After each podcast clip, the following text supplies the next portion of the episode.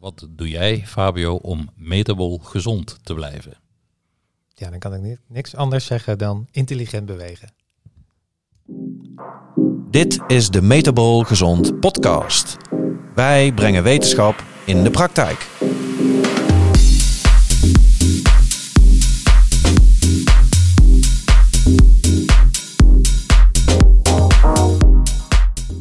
Welkom bij weer een nieuwe aflevering van de Metabol Gezond podcast, waarin wij jouw gezondheid van reactief naar proactief brengen. Volg ons op Facebook en Instagram onder Metabol Gezond. De podcast kun je terugvinden op Spotify, SoundCloud, Google Podcast en de Apple Podcast app. Allen onder Metabol Gezond. Daarnaast kun je ons ook terugzien op YouTube, ook onder Metabol Gezond. Naast de podcast hebben wij ook een online programma ontwikkeld waarin mensen in 10 modules de kennis en vaardigheden aangereikt krijgen om hun gezondheid te verbeteren. Met deze kennis en vaardigheden kun jij chronische of steeds terugkerende klachten, zoals nek- en rugklachten, vermoeidheid en blessures oplossen, maar zeker ook voorkomen dat je ze in de toekomst gaat krijgen. Ben je nieuwsgierig of geïnteresseerd geraakt? Of heb jij chronische klachten? Neem dan eens een kijkje op www.metabolgezond.nl en neem contact met ons op. Tot ziens in ons programma. Ja, welkom weer bij een uh, nieuwe aflevering van de Metabol Gezond podcast. Ja, goedemiddag of goede avond of goedemorgen, al naar gelang wanneer je naar deze podcast luistert. En uh, ook een welkom naar uh, onze gast van vandaag, Fabio. Welkom. Hallo, dankjewel.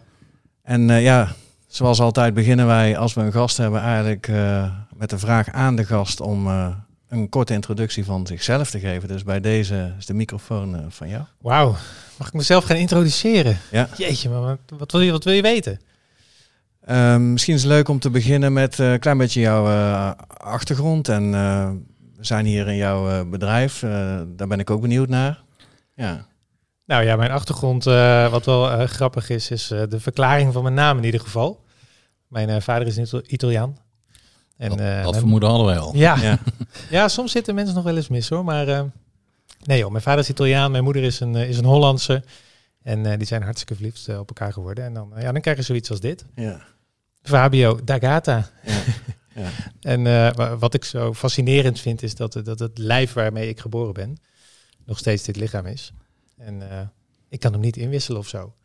Dus hier moet je het dan je hele leven mee doen. En je moet er dus goed voor zorgen goed voor zorgen en, uh, en je kunt hem ook bewegen. En dat is mijn uh, vak geworden. Ja. Want lichaamsbeweging. Ja, ik heb een, uh, toevallig vanochtend een, een podcast ook geluisterd die jullie een keer hebben opgenomen. En daarin introduceer je jezelf ook als de sportondernemer. Ja, ja, dus ik ben, ja, ik heb onder, ondernemersbloed door mijn lijf stromen en ik ben dit bedrijf Spat veranderd negen jaar geleden gestart. Toen nog als ZZP'er, uh, maar twee jaar uh, later al uh, als een BV doorgegaan. En dat is wat het vandaag de dag is. En volgend jaar dus een feestje. Ja. Tien jaar, Tien jaar ondernemer, ja. ja. En, en mag ik vragen waar de naam Spat veranderd vandaan komt? Want ja, de, Nederlandse, de, de, meeste Nederlanders zullen wel zeggen van... oh, die is geen Spat veranderd, want dat zullen we vaker horen. Op elk feestje ongeveer. Precies. en, en waar komt die naam vandaan? Nou, je zit wel goed, want uh, we hebben natuurlijk uh, het spreekwoord, uh, je bent geen spat veranderd. Ja, ja ik vind dat daar dus een stukje vanaf moet. Hè? Dus dat geen halen we eraf en dan ja. ben je dus wel een spat veranderd. En um, dat is wat we nastreven. Dus dat je een, een spat verandert, dat je een, een, groei doormaakt, dat je anders bent dan, ja, nog steeds wel dezelfde persoon, maar net even een spat anders bent als je met intelligent bewegen aan de slag gaat of met ons aan de slag gaat. In positieve zin van het woord natuurlijk. En um, ja, spat lijkt een beetje op sport. Dat is natuurlijk makkelijk en fijn. Uh, want we doen natuurlijk veel in beweging. En um, ja, ooit stond SPAT voor sportief, persoonlijk, aandacht en training. Aha. Dus ja, zo kun je hem helemaal ontleden eigenlijk. En dat vind ik wel, wel grappig voor de mensen die het leuk vinden om een beetje door te denken. Ja, ja precies. Er is goed over nagedacht. Ja, en wat je veel ziet is, is zijn, uh, wat je weinig ziet zijn, zijn namen als deze. Hè? Dus uh, je ziet vaak toch wat, wat Amerikaanse woorden of zo die terugkomen. Of, uh, Zeker als het over verandering gaat. Ja. En, En gezondheid en Ja. fitness en zo. Ja. ja. Ja, we zitten gauw in de health management of de health change. Ja. Dus de naam is ook net even een spat anders. Ja. ja, leuk. Ja, en eh, je hebt een boek geschreven. Klopt. En wanneer is dat geweest dat, je, dat het boek is, eh, is ontstaan? Of wanneer heb je het eigenlijk uitgebracht? Want dat weet ik niet uit mijn hoofd in ieder geval. Maar... Ja, nee, dat is zo'n eh, drie jaar geleden geweest. En ehm, ja, wat ik op een gegeven moment dacht is van, joh, wat ik hier allemaal beleef en de methode die we hebben ontwikkeld in al die jaren, eh, die gaan we gewoon vrijgeven. Die gaan we opschrijven en die gaan we geven aan iedereen die het leuk vindt om dit te leren en om dit te leren kennen. Het is een nieuwe smaak. We kennen sporten en bewegen wel van, eh, van, van de wedstrijden, van de competitie. En tegenwoordig ook veel van het gezond worden, hè, waar jullie ook veel mee bezig zijn. Ehm, er mooi uitzien, de fitnesscentra. Maar dit is een nieuwe smaak. Deze smaak die houdt zich vooral bezig met persoonlijke ontwikkeling, persoonlijke groei. En ja, hoe je daar eh, beweging, vooral lichaamsbeweging, in kunt, eh, in kunt zetten als middel. Intelligent bewegen. Ja, dat is eh, hoe we het noemen. Ja. Ja, ik moest... Zo heet het boek toch ook? Ja. Klopt. Ja. Ja. Ja, ik, ik heb dus vanochtend een podcast geluisterd die ging over, eh, over padel. Ik ben zelf al heel lang eh, in de tenniswereld en eh, sinds een halfjaartje ben ik ook eens begonnen met, eh, met padel. En wat ik mij eh, nog heel erg kan herinneren, en dat schoot me ook eh, te binnen vanochtend, was dat ehm, ik heb denk ik een jaar of twee, drie gewerkt ook als eh, conditietrainer van, eh, van twee tennisverenigingen. En ik heb daar enorm geworsteld met het feit dat eh, de groep mensen die ik daar conditietraining gaf, dat waren jongens en meiden tussen de 8 en 14, 15 jaar. Ehm, nou, ten eerste hadden ze daar gewoon helemaal geen zin in. Ze wilden geen conditie trainen. Nee, dat Nee. wilden ze niet. Die wil dat wel. En ik heb daar heel erg mee geworsteld en eh, eh, gekeken van hoe kan ik dat dan misschien leuk maken? Of nou, het gedrag eh, veranderde in ieder geval niet echt. Dus ik, moest denken, nou misschien is dat ook iets leuks om, om, om vanuit dit voorbeeld te vertrekken. Dat jij je, nou wat komt er bij jou op als ik dat zo vertel? En, en hoe werkt dat dan misschien met motivatie, bewegen en dergelijke? Ja, het eerste waar ik aan moet denken of waar ik nieuwsgierig naar ben, is waarom deze deelnemers meedoen. Wat, Ja. wat is hun eh, motivatie om überhaupt daar op de baan te staan? En dan wil ik eigenlijk verder kijken dan eh, dat ze een goede tennisser willen worden of een toernooitje willen winnen, maar meer als mens. Hè? Ja. Dus wat is nou hun motivatie als mens om dit te kiezen? En ik denk, ik vermoed dat dat ver afstaat van ik wil mijn conditie verbeteren. Het zal, het zal een, hè, het, het, het is een meevaller dat je conditie natuurlijk verbetert, maar ja, je wordt niet geboren en je denkt ik ga het in mijn leven mijn allerbeste conditie opbouwen en dan ben ik nee. gelukkig. Heb ik mijn doel bereikt. Ja, zeker Nee. in die leeftijdscategorie is dat Nee. natuurlijk zeker niet eh, Nee. eh, de Nee. eerste motivatie.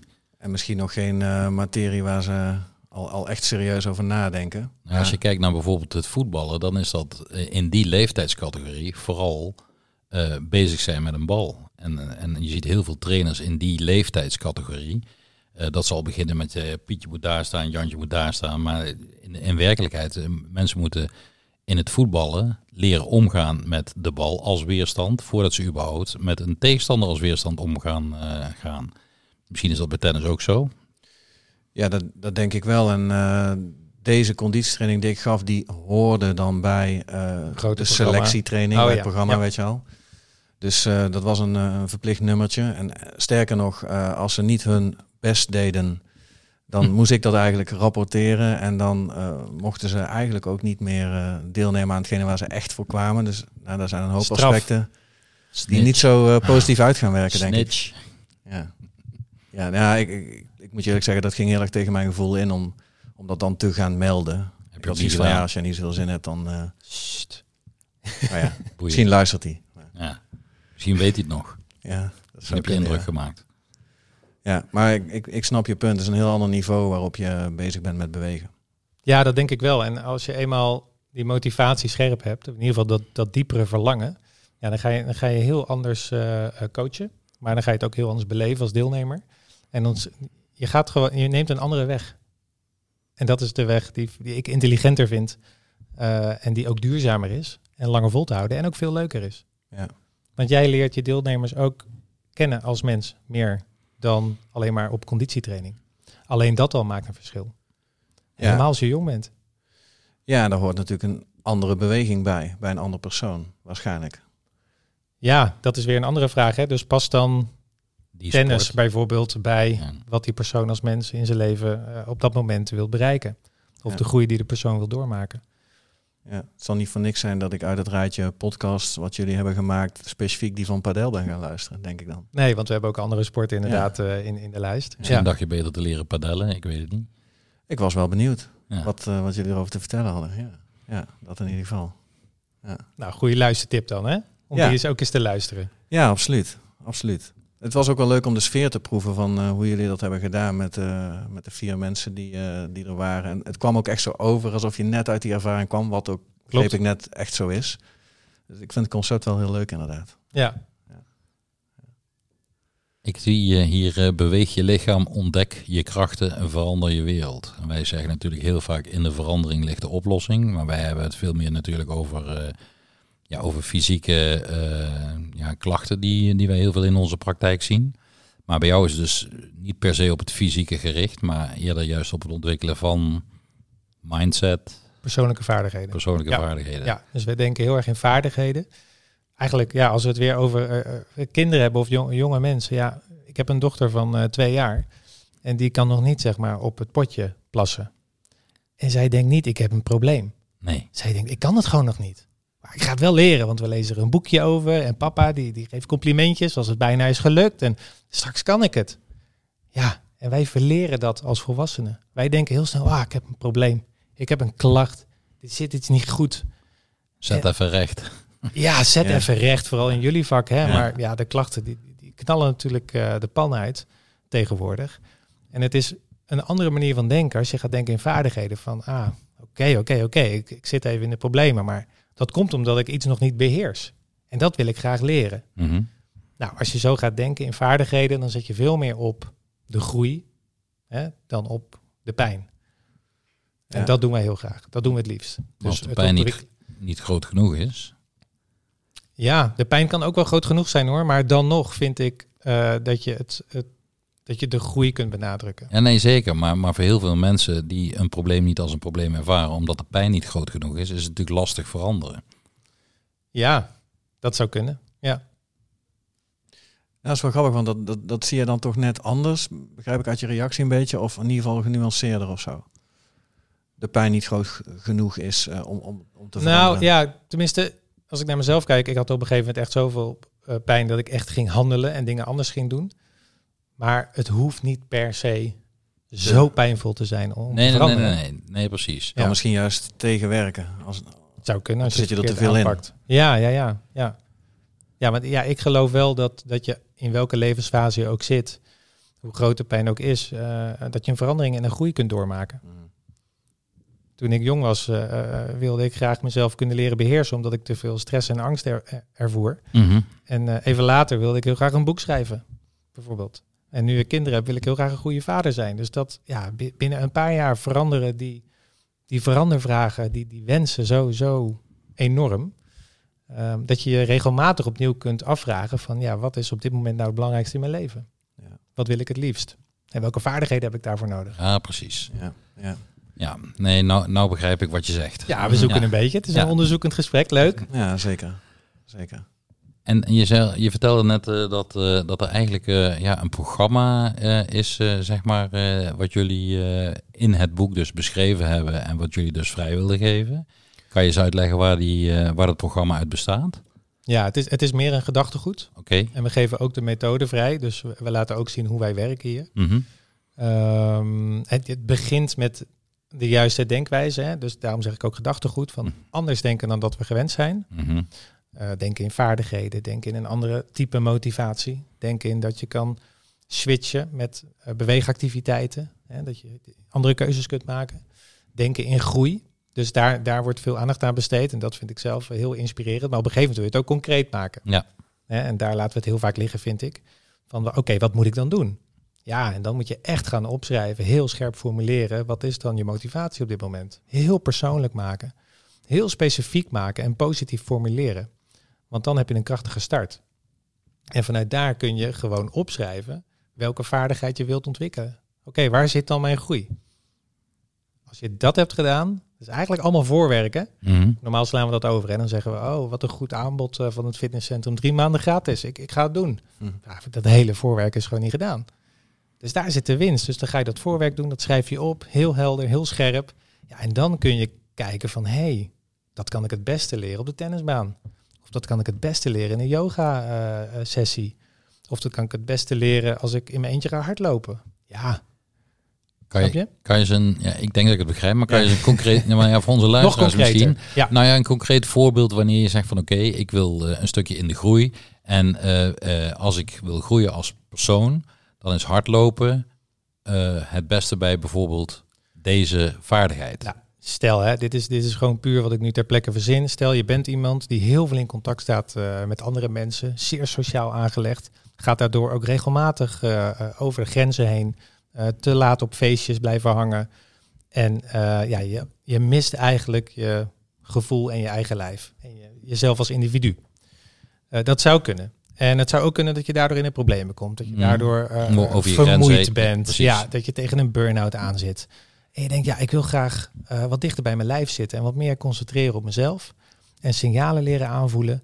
En eh, mijn conditie een stukje verbeteren, want ik eh, ja, ben toch vermoeid omdat ik zoveel ga stappen. En ehm, nou, wat past daar dan mooi bij, bij zo'n groei? Misschien wel in je eentje af en toe hardlopen. Ja, ja, ja, ja. En dan niet de sportwarts, hè, dat je een zo goed mogelijk persoonlijke record neerzet. Nee, dat niet, hardlopen. Zo kan je ook hardlopen. Maar intelligent hardlopen is dan in de natuur, in je eentje.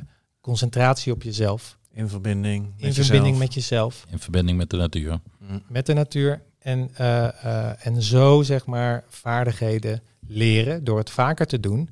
Die jou gaan helpen eh, in je leven. In de andere situaties, andere waar, Je, situatie. waar je dreigt over je eigen grens heen te gaan, omdat Precies. je ze niet goed aanvoelt. Precies. Ja, en dan zeg ik eigenlijk wat je dan leert tijdens het hardlopen, dat je daarvan profiteert in je leven. Ja. En dat heet dan een transfer, zoals wetenschappers dat noemen. Dat je, die, dat je, ja, dat, je dat meeneemt. Ja, Maar goed, daar moet je wel bewust mee bezig zijn, want anders kan het, je, ja, kan het door je vingers heen glippen of kan je het niet doorhebben. Mhm. Het is een bewust proces waarvoor je kiest en eh, waarvoor je dan ook extra gaat opletten als je op dat feestje bent of als je een keer tegen je grenzen aanloopt dat je denkt, hé, hey, nu voel ik dat aan. ja. Ja, anders worden die specifieke nieuwe verbindingen ook niet daadwerkelijk gevormd eh, in je hersenpan. Niet zo gericht. Nee. Nee. nee, Of het wordt gevormd en je hebt het niet door. Of, eh, En ik ben zo benieuwd, heb je ook een bepaald eh, idee of, of model wat je er dan achter hebt voor jezelf? Hoe lang of hoe consistent zo'n bewustzijn van een, van een nieuw patroon moet zijn voordat het echt hardware wordt? ja, nu stel je ingewikkelde vragen. nee, weet je wat het is? Kijk, dit, niks is zo complex natuurlijk als Nee. het gedrag van de mens. En, en verandering is ook net zo ingewikkeld. Maar er zijn wel dingen bewezen dat je binnen 66 dagen een nieuwe gewoonte kunt aanleren. Ja. En daarmee hebben ze gemeten eh, wanneer het eh, natuurlijk voelt. En dat je er eigenlijk niet meer over hoeft na te denken dat je de handeling al doet. Nou, daar gaat gewoon best wel veel tijd overheen. Maar op een gegeven moment, ja, in je brein worden die wegen worden gewoon gelegd. Die Mhm. worden versterkt. En op een gegeven moment voelt het niet meer als eh moetje of als eh, eh, iets waar je heel hard je best voor moet doen. Maar dan gaat het redelijk vloeiend. Ja, daar wil je natuurlijk naartoe. Ja. En dan, dan ontstaat er een verandering die ook duurzaam is en die je kunt behouden. Dus concreet, bijvoorbeeld, eh, stel je voor dat je eh, een nieuwe leefstijl zou willen aanleren in de zin van voeding. Ehm, dat je daar de eerste twee, drie weken ontzettend op moet letten wat je eet, wanneer je eet en, en, en, en in welke Mm. hoeveelheid. Ja. En dat je na acht tot tien weken zegt van, eh daar hoef ik niet meer over na te denken, het, zit- het, het zit in mijn systeem. Ja, iets langer misschien zelfs. Ja, ja acht tot tien weken is echt een minimum. Mhm. Ja, nee, maar dat refereer ik naar die 66 dagen. Klopt. Ja, dan is er nog iets te zeggen misschien over de stapjes eh, waarin we hebben het als vaker in onze podcast eh, genoemd. Iemand die misschien als ja, doel heeft, is misschien niet zo intelligent eh, bewegen dit, maar vijf kilometer hard te lopen. Die zal dan eh, de eerste dag tot aan de deur lopen met zijn schoenen aan, de tweede dag tot aan het trottoir, dan een paar honderd meter. En, en het juist zo doen in die kleine stappen, omdat we ook vaak eh, te graag te veel willen en dan juist niet die implanting gaan bereiken. Ja, dus, dus wat mensen heel goed kunnen is zichzelf overschatten op korte termijn. Ja. Hè, En onderschatten op lange termijn. exact. Ja. En dat is wat er gewoon continu aan de hand is. En het mooie is dat als je net even wat verder denkt, van oké, ik neem net wat even wat meer de tijd, dat er opeens eh, hele mooie dingen kunnen ontstaan. En dat het wel lukt. Maar in het begin is het gewoon ploeteren, jongens. Ja, dat is toch veranderen is toch niet, niet per se leuk of makkelijk, hè?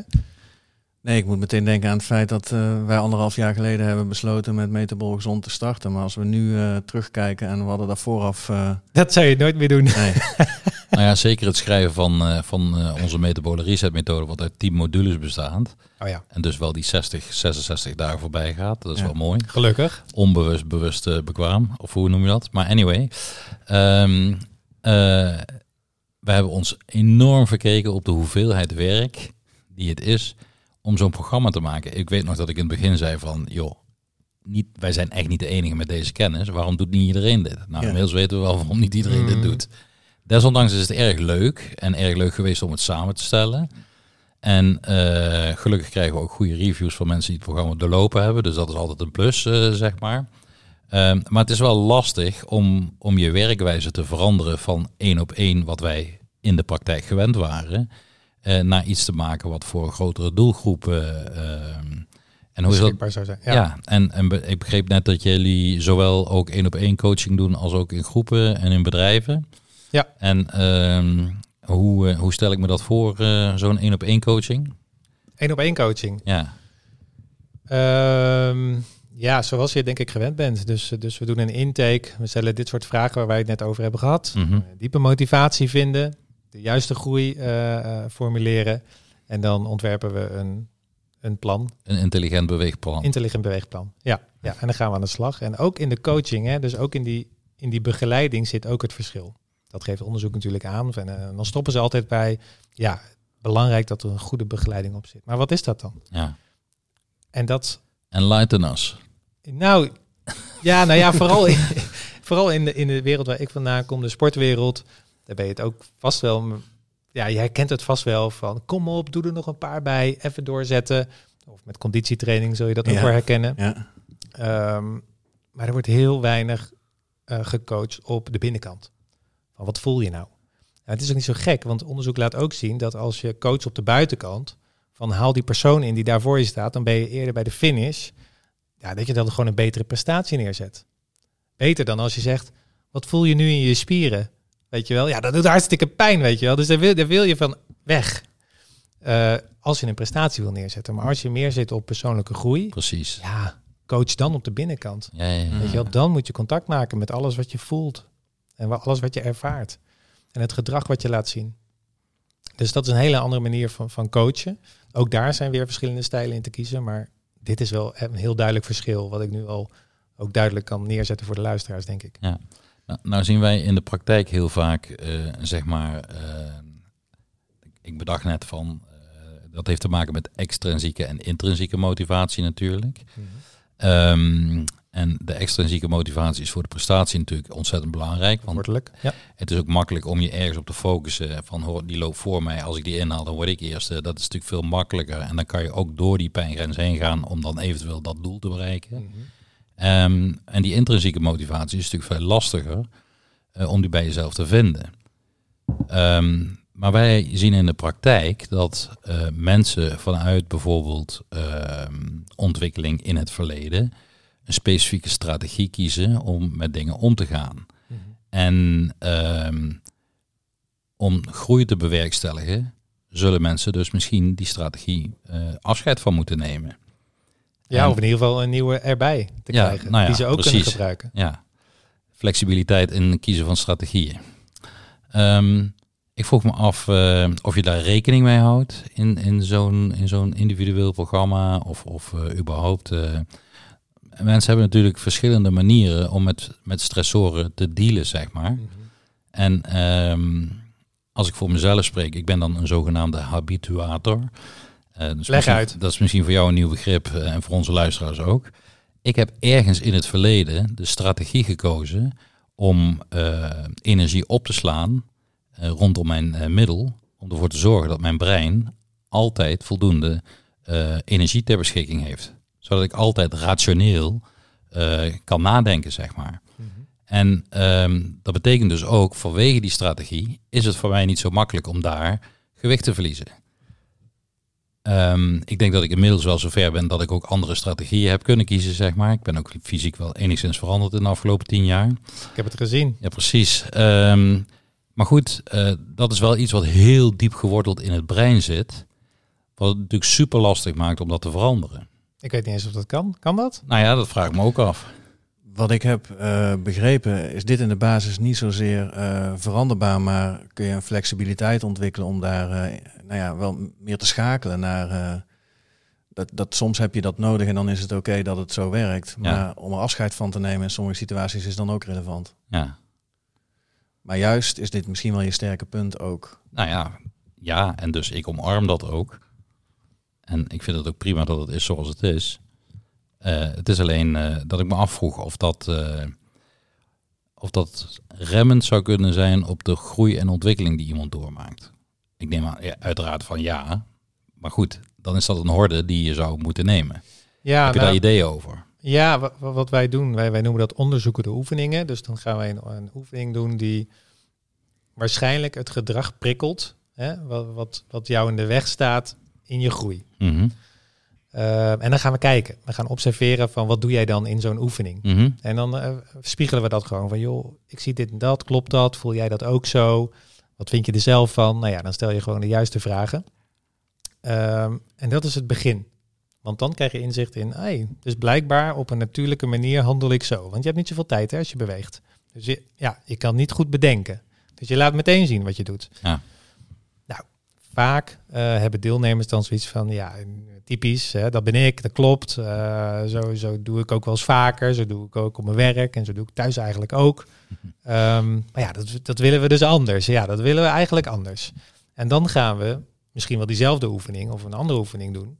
Ehm, en kijken of het lukt om eens anders te reageren.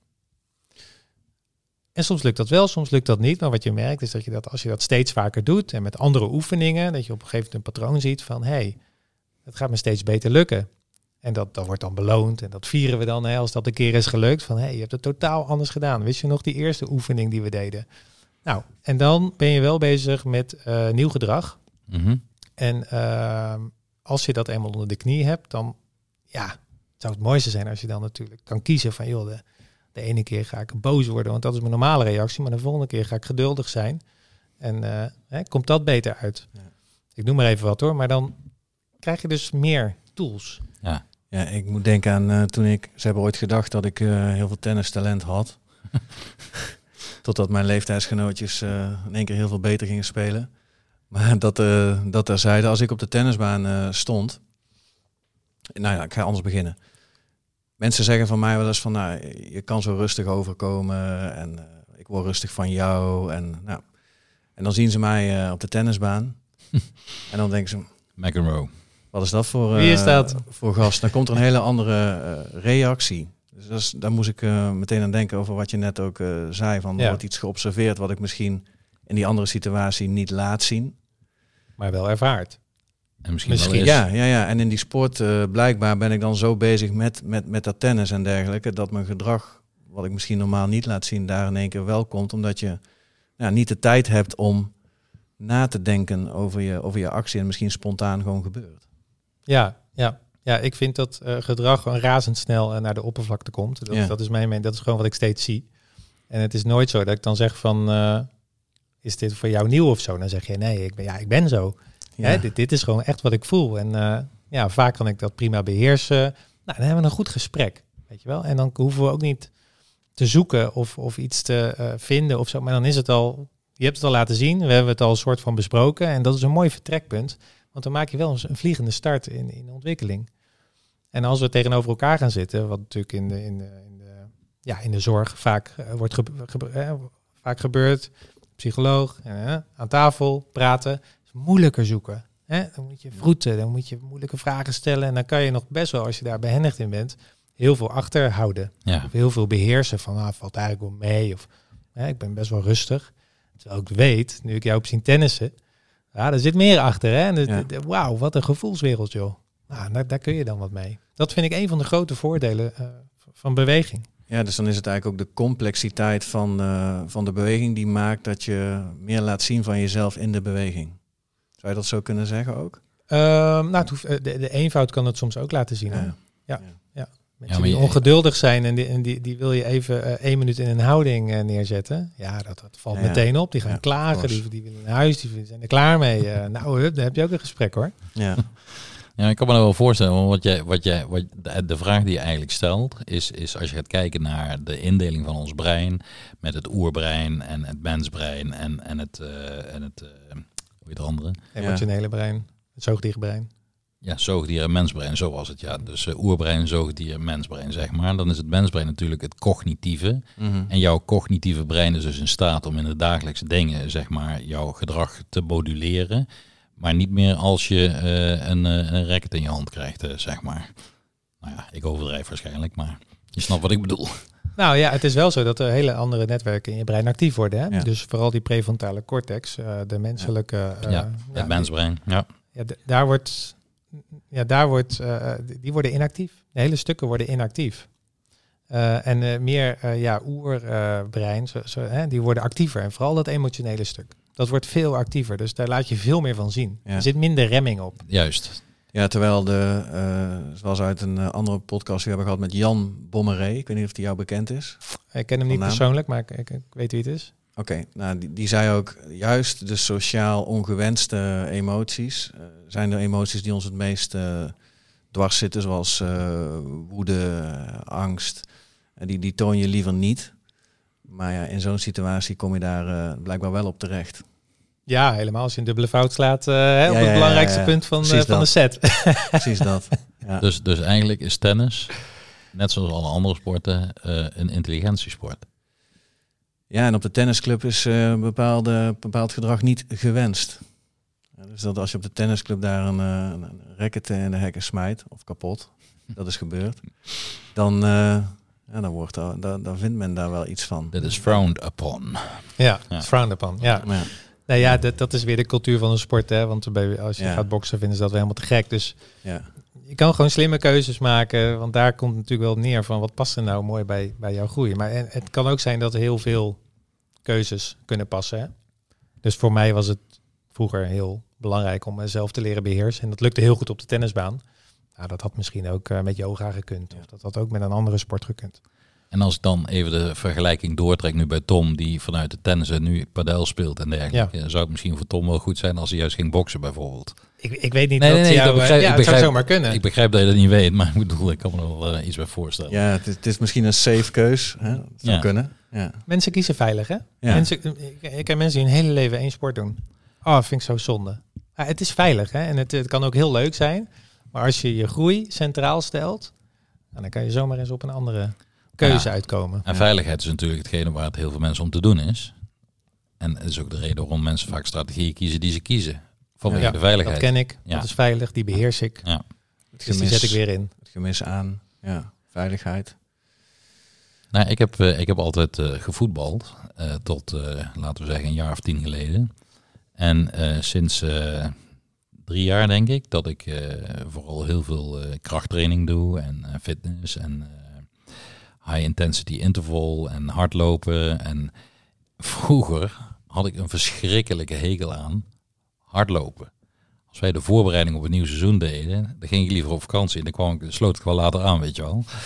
En, en nu, ja, ik kan me niet een week voorstellen dat ik niet ga hardlopen. Een beetje gevalletje conditietraining. Ja, destijds wel, ja. ja. Hoe komt dat dan dat je het nu wel leuk vindt? Ehm, nou, ja, ik, wat, ik, wat ik vooral eh, eh, leuk vind aan hardlopen is, eh, is inderdaad dat je je schoenen kan aantrekken en gaan als jij eh, wil. En niet per se op de afgesproken trainingstijd of de afgesproken wedstrijdtijden ergens aanwezig moet zijn en dergelijke. Dus dat vind ik, en dat eigenlijk geldt hetzelfde voor, eh, voor, voor trainen eh, in, in de sportschool. Hoewel ik dat twee keer in de week doe met een, eh, met een trainer en dat ik dat dus wel op een bepaalde tijd moet zijn. Ehm, eh, ik, ik denk dat nou wat, voor, wat voor mij vooral heel erg heeft meegespeeld, is, is dat mijn mindset over, over gezondheid en gezond gedrag door de opleidingen die ik gedaan heb in de afgelopen jaren eh, behoorlijk is veranderd. En met de kennis uit die opleidingen eh, was het niet zo moeilijk om te veranderen. Dat, dat is eigenlijk mijn, mijn grootste veranderpunt geweest. eh. en, en nu, Nu loop ik, uh, nou ja, zeker één à twee keer in de week hard. En dan loop ik ergens variërend tussen de 5 en 10 kilometer hard. En ik loop een stukje harder als dat ik dat in het begin deed. Maar het is ook niet zo dat ik wereldrecords verbreek. En ik luister heel veel podcasts als ik hard loop. En, en er zijn mensen die dat niet kunnen. En er zijn mensen die graag muziek op willen hebben. En er zijn mensen die helemaal niks op willen. Ja, voor mij is er een moment waar ik kan leren. En omdat ik beweeg en nieuwe dingen hoor, kan ik het ook beter vasthouden, zeg maar. Ja, kan je het beter onthouden. Ja. Ja. Dat is natuurlijk bekend dat dat zo werkt. Ja, ja. Nee, ja de, de, de ervaring beklijft uh, makkelijk als je beweegt. Dat is zo. Ja, wat ik in mijn boek aanraad is dat dat soort dingen niet te doen. En vooral omdat, omdat het je natuurlijk weg... Ja, het leidt je af van je lijf. Want jij voelt echt niet wat er in je omgaat als iemand een interessant verhaal in je oren vertelt. Nee, dat klopt. Uh, ik, ken, ja, ik zie natuurlijk achter elkaar hardlopers met, met uh, oorklep op. En ik krijg ook af en toe een mailtje van iemand die hartstikke boos is. Van ja, ik vind je boek geweldig, maar dat hoofdstuk dat ik mijn muziek uit, uh, uit moet zetten. Nee, dat gaat er bij mij niet in. Dus, dus daar zit heel erg frictie. Maar ik, ja, ik leg hem toch op tafel. Omdat, ja, ik ben echt een groot voorstander van dat ene moment dat je dan pakt met je lijf. Dat je die zelfs laat afpakken door een podcast. Als er zoveel frictie uitkomt, dan uh, is de vraag waardoor die frictie ontstaat. nou ja, nee, maar ik begrijp heel goed wat jij bedoelt. Want het is natuurlijk wel zo dat dat misschien een, een, uh, een, een afleidingsmanoeuvre is om niet in mijn lichaam uh, te voelen wat er gebeurt. Mm -hmm. En dan zijn we in een stukje mind-body, zeg maar. Zoals nagelbijten of nou ja, allerlei andere verslavingen een, een rol kunnen spelen in het niet naar binnen willen kijken wat er in je lichaam gebeurt nooit zo over nagedacht. Ga ik eens doen. Ja. ja. Ik had afgelopen week uh, op één ochtend, ik denk vier afspraken met, uh, met patiënten van mij. En dat waren vier mensen. En toen besefte ik me ook, omdat ik er vier keer mee werd geconfronteerd. Die um, continu spraken. Maar meer spraken om te spreken. Dan dat ze misschien daadwerkelijk iets, uh, iets zeiden. Ik weet niet of dat van jou komt of Vermoeiend. van iemand... Ja, toch? Van iemand anders, maar dat is ooit genoemd als hersendiarree. Wow. Dat komt niet van mij. Vond ik wel moet ik opschrijven. Ja, dat is een goede, een mooie term, hè? Ja, dat is misschien een soort praatverslaving. Want als je natuurlijk continu spreekt, dan uh, ben je ook niet bezig met wat er in je eigen lijf gebeurt. Zeker niet tijdens een, een, een therapiesessie waar toch het, ook bij mij het idee is, misschien in dit geval bij die mensen, als ik me zo terugdenk wat ik heb gedaan, meer door fysieke aanraking, om ook iets in te laten, laten voelen, voelen. wat gebeurt er in dat lijf van die mensen op dat moment. Mm. En die voelen dat niet. Ja, ik voel geen verschil. Ja, die, die praten er letterlijk overheen. Ja, of, of wat je heel vaak ziet is dat mensen zeggen, ik voel, uh, ik voel dat niet wat jij doet. Ja. Oké. Okay. Dan denk ik van nou, ik pak daar best heel fors aan. Ja. Maar die kunnen dus echt absoluut niet bij hun gevoel. Nee. Nee, en dat hebben meer mensen. Hè, die, die dat hebben heel veel mensen. Ja, ik ben gewoon, ik heb mensen die letterlijk tegen mij zeggen: ik ben afgestompt. Ik ben als mens compleet afgestompt door mijn gevoelsleven. En ik wil gewoon 1% van wat jij hebt, want jij hebt het volgens mij wel. Zullen we samen trainen? Dat, dat is wat bij mij op, op mijn pad komt. En dan denk mm -hmm. ik ook van ja, hoe kan ik je dan helpen? Ik denk in eerste instantie om een rolmodel te zijn, maar ook door uh, adviezen te geven van doe dan een keer die podcast uit hè, en, en ga dan maar eens voelen. En dan als ze dan nog steeds zeggen ik voel niks, dan uh, we moeten gewoon blijven zoeken totdat je iets voelt. Want dat is het hè. Ook al is het maar een tintelende grote teen. Of ook al is het maar... Uh... Nou, ik kan je zeggen dat ik regelmatig mijn kuiten voel. En ik regelmatig aan het lopen ben. En ik denk van... Nou. Hardlopen zonder dat het zeer doet ergens... is eigenlijk een, een dingetje wat ik uh, niet heel vaak meemaak. Dat ik echt lekker in die flow ben. Maar dat komt misschien wel omdat ik een podcast op heb. Oh ja. Ja. Nou ja, ik denk bewegen en, en sporten en, en voelen... Eigenlijk worden alle deuren opengegooid van... Kom, kom naar mijn gevoelsleven. Ga je lijf mm -hmm. in. En dat kun je dus door allerlei manieren nog steeds uh, ontwijken. Um, of je hebt de skills nooit geleerd om het goed te voelen. Maar dat, dit is wel het moment, vind ik, van, om te scoren, zeg maar. Dus wat je ook voelt, uh, alles wat je voelt is, is meegenomen en, en is een deurtje naar een volgend gevoel. Mm -hmm. Je begint gewoon met, met ja, vage gevoelens of grove dingen. Van ik heb kramp in elkaar. Ja, daar kan je niet omheen. Dat doet gewoon pijn. Of je hebt een schouderblessure. Een groot gevoel. Maar ja, je hebt ook heel veel kleine, subtiele mm. gevoelentjes. En hoe meer je leert te voelen, hoe subtieler het wordt, ja, hoe rijker je gevoelsleven wordt. En hoe beter je jezelf ook uiteindelijk gaat begrijpen. Ja, ja mijn broer heeft uh, een keer een Vipassana gedaan. Oh ja, ik ook. Heb je ook gedaan? Tien dagen lang. Oh, hoe was jouw ervaring? Nou, ik, Ja. ik ben eh, misschien even voor de Ja, luisteraars. ik wil het net dat zeggen. Is, ja, dat is een, volgens mij uit eh, India een, eh, Ja. een programma dat je tien dagen lang niet spreekt, niet schrijft, niet praat, Ja. geen oogcontact en veel mediteert. Volgens mij 12 uur per dag. Ja, of zo. ja, ja, volgens mij soms wel 16. Maar 15, 16 ja. jaar. Ja, dat was het, ja. Het is wel even geleden voor mij, maar ik heb dat dus ook gedaan. Ik ben heel benieuwd hoe jouw broer dat heeft ervaren. Misschien zaten we in hetzelfde klasje. Dat zou kunnen. Maar ehm, ik, ik, heb, ik vond het, ik, het was één grote lijdensweg voor mij. Ik vond het heel zwaar.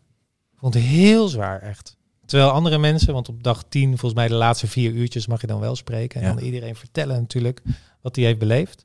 En daar hoorde ik hele ex, e- eh, energie-explosies en euforische momenten en alles. Nou, de- ik had dat niet. Nee. Ik Ben jouw broer? Nee, ook denk- niet. ik denk, Gelukkig. ik denk als ik dat deed, dan heb ik dat ook niet. Nee, hij, hij heeft, Ja, achter- weet het niet. hij heeft Je achteraf in de, in de auto toen hij terugreed, hij heeft het overigens in Zwitserland eh, gedaan, Oh. Ehm, heeft hij eigenlijk, want het was hem allemaal heel erg eh, goed bijgebleven, hij heeft van elke dag ongeveer vijf tot tien minuten ingesproken. En dat heeft hij achter elkaar geplakt. En dat is eigenlijk een soort van zijn podcast over die ervaring geworden. Dat hebben ook een aantal mensen, onder andere ik en wat vrienden, heeft hij dat toegestuurd. En ik heb dat gehoord.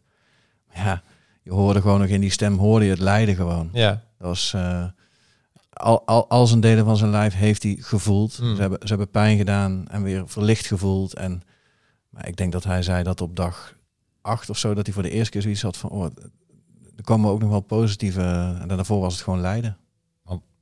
Maar, Ja. maar mijn vraag dan is ook, ik weet niet of je dat voor Frank eh, eh, kan vertellen, maar, maar wat is er daarna voor jou veranderd? ja, nou het bijzondere aan mijn verhaal is, ik had eh, tijdens die sessie had ik eh, iets bijzonders meegemaakt. Dat heb ik ook in mijn boek eh, beschreven. Maar wat ik hier misschien wil benadrukken is ook de terugweg. Want het zat erop. Ik heb overal pijn gehad. Ik vond het niet leuk. Ik vond het wel bijzonder. Ehm, ja, je komt zo diep zeg maar in je lijf en er is zo weinig prikkel dat het eerste muziekje wat ik in de auto hoorde, dat ik gewoon moest huilen van, van, van mooiheid. Gewoon omdat het zo mooi was om klanken te horen. En nu, is, nu loop ik een winkel in en staat muziek aan. Hoor je hoort- niet eens. Je hoort Ja. het niet eens meer. Nee. En ik dacht van eigenlijk is muziek zo mooi. Weet je nog En- welk nummer? Nou, het was een pianospel. Ik Oh, weet het niet eens. Ik weet niet eens meer welke. Het was piano. En sindsdien vind ik piano prachtig. Ja, hij zei ook het moment, er, er komt een moment, ik weet niet meer exact waar dat voor hem was, maar ja, op een gegeven moment zijn je gedachten op. En dan valt er een stilte. Ja, Oh ja. Dan, eh, dan, dan ga je echt voelen wat er, eh, wat er zit.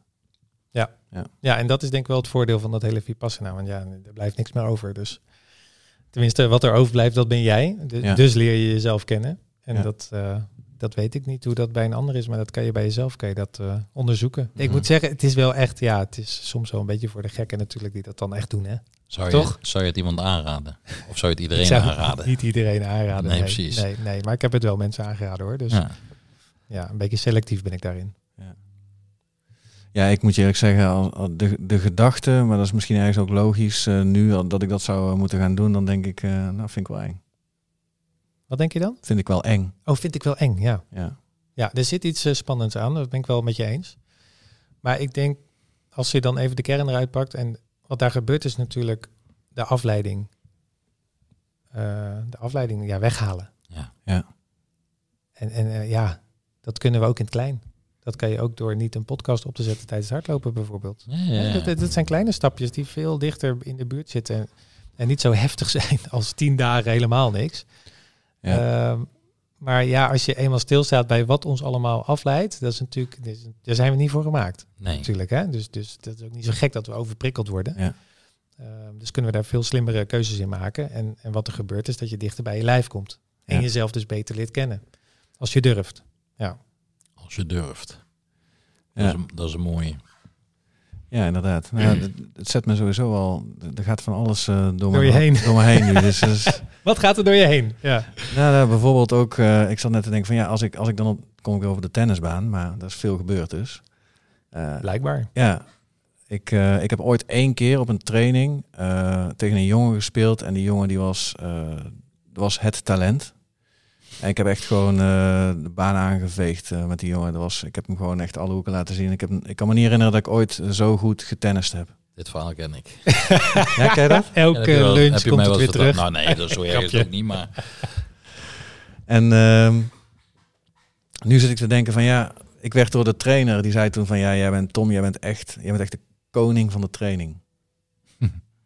Maar nu denk ik, ja, dat, dat, dat zegt natuurlijk iets uh, over de context training versus voor mij dan denk ik de context uh, bijvoorbeeld wedstrijd. En dan laat ik dus iets heel anders zien van mezelf. Omdat de druk uh, ja, op de wedstrijd zit dan op een training bedoel je? Ja, ik denk dat ik als, als er publiek is of als het dan om een resultaat gaat of ik moet naar mijn team toe presteren, dan, dan, dan, dan, nou, dan gaat het niet goed. Hm. Misschien is dat ook wel de reden dat je zo'n individueel beroep hebt gekozen. Maybe. Interessante. Teamwork makes the dream work. Ja, maar het, zegt, het, ja, het, geeft heel veel info eigenlijk, hè? Ja. ja. En dat is nou zo boeiend. Ik heb daar eigenlijk nooit op die manier over nagedacht. Gewoon helemaal niet. Super interessant. Ik ook niet.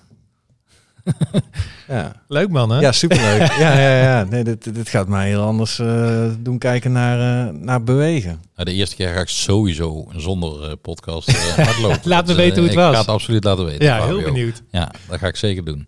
Ja. Ik ben benieuwd of ik het dan zwaarder heb. Ik denk het eerlijk gezegd wel. ik ben bang van wel, ja.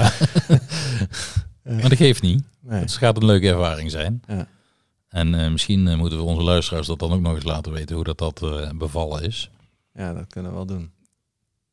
Goed idee. Ja, misschien is dit wel een, uh, een mooi moment om, uh, om een beetje af te ronden. Ik weet niet, ja, heb jij nog iets wat je... ja. ja. hoe zal jouw uh, hardloopsessie ja. verlopen? Let the drums roll. nou ja, ik heb niet direct nog iets wat ik op dit moment zou willen vragen. Maar ik vond het wel dusdanig interessant dat ik, ik zeker nog denk, Fabio, ik, wil, ik zou wel heel graag nog een keer jou een keer terug hebben in de podcast. En uh, dan weten wij wat beter. Uh, ja, ja, je achtergrond, vind ik, dat, dat is niet zo per se wat ik wil. Maar dan ben ik, ja, meer je gedachtegang, zeg maar, je gedachtegoed. En dan gaan we dat zelf ervaren, Tom. Ja. En dan komen we daar eens op terug. Wat vind je daarvan? Nou, met veel plezier. Leuk. Ja. Top. En nou. je kunt altijd ook het, even het boek doorlezen, hè? want daar staat we, nog veel meer dan dat ik je verteld heb. Ja, nee, de volgende keer dat we terugkomen heb ik het boek gelezen. no worries. Ja, ja, me too. Ja. Nou, dan... Uh, Leuk man, hè? 47 minuten, exact. En dan uh, gaan we denk ik naar de quote toe. Ja, ik had hem al even opgezocht van tevoren natuurlijk, want uh, dit zijn natuurlijk dingen die over verandering gaat. Uh, het is een Chinees gezegde en het gaat als volgt. Als de wind van verandering waait, bouwen sommige mensen muren en andere windmolens. Dus die muur is die koptelefoon die ik op heb. En we gaan eens kijken wat de windmolen gaat opbrengen. Ja, en uh, jij wil natuurlijk nog de vraag stellen aan Fabio. Natuurlijk, helemaal vergeten. Dat is dan een vraag. Nou ja, aan het einde van onze podcast vragen wij eigenlijk altijd aan onze gast: wat doe jij, Fabio, om metabol gezond te blijven? Ja, dan kan ik niet, niks anders zeggen dan intelligent bewegen. Bij deze tot uh, naar de luisteraars toe weer uh, tot over uh, twee weken. Tot over twee weken. Deze podcast werd mede mogelijk gemaakt door Metabol Gezond.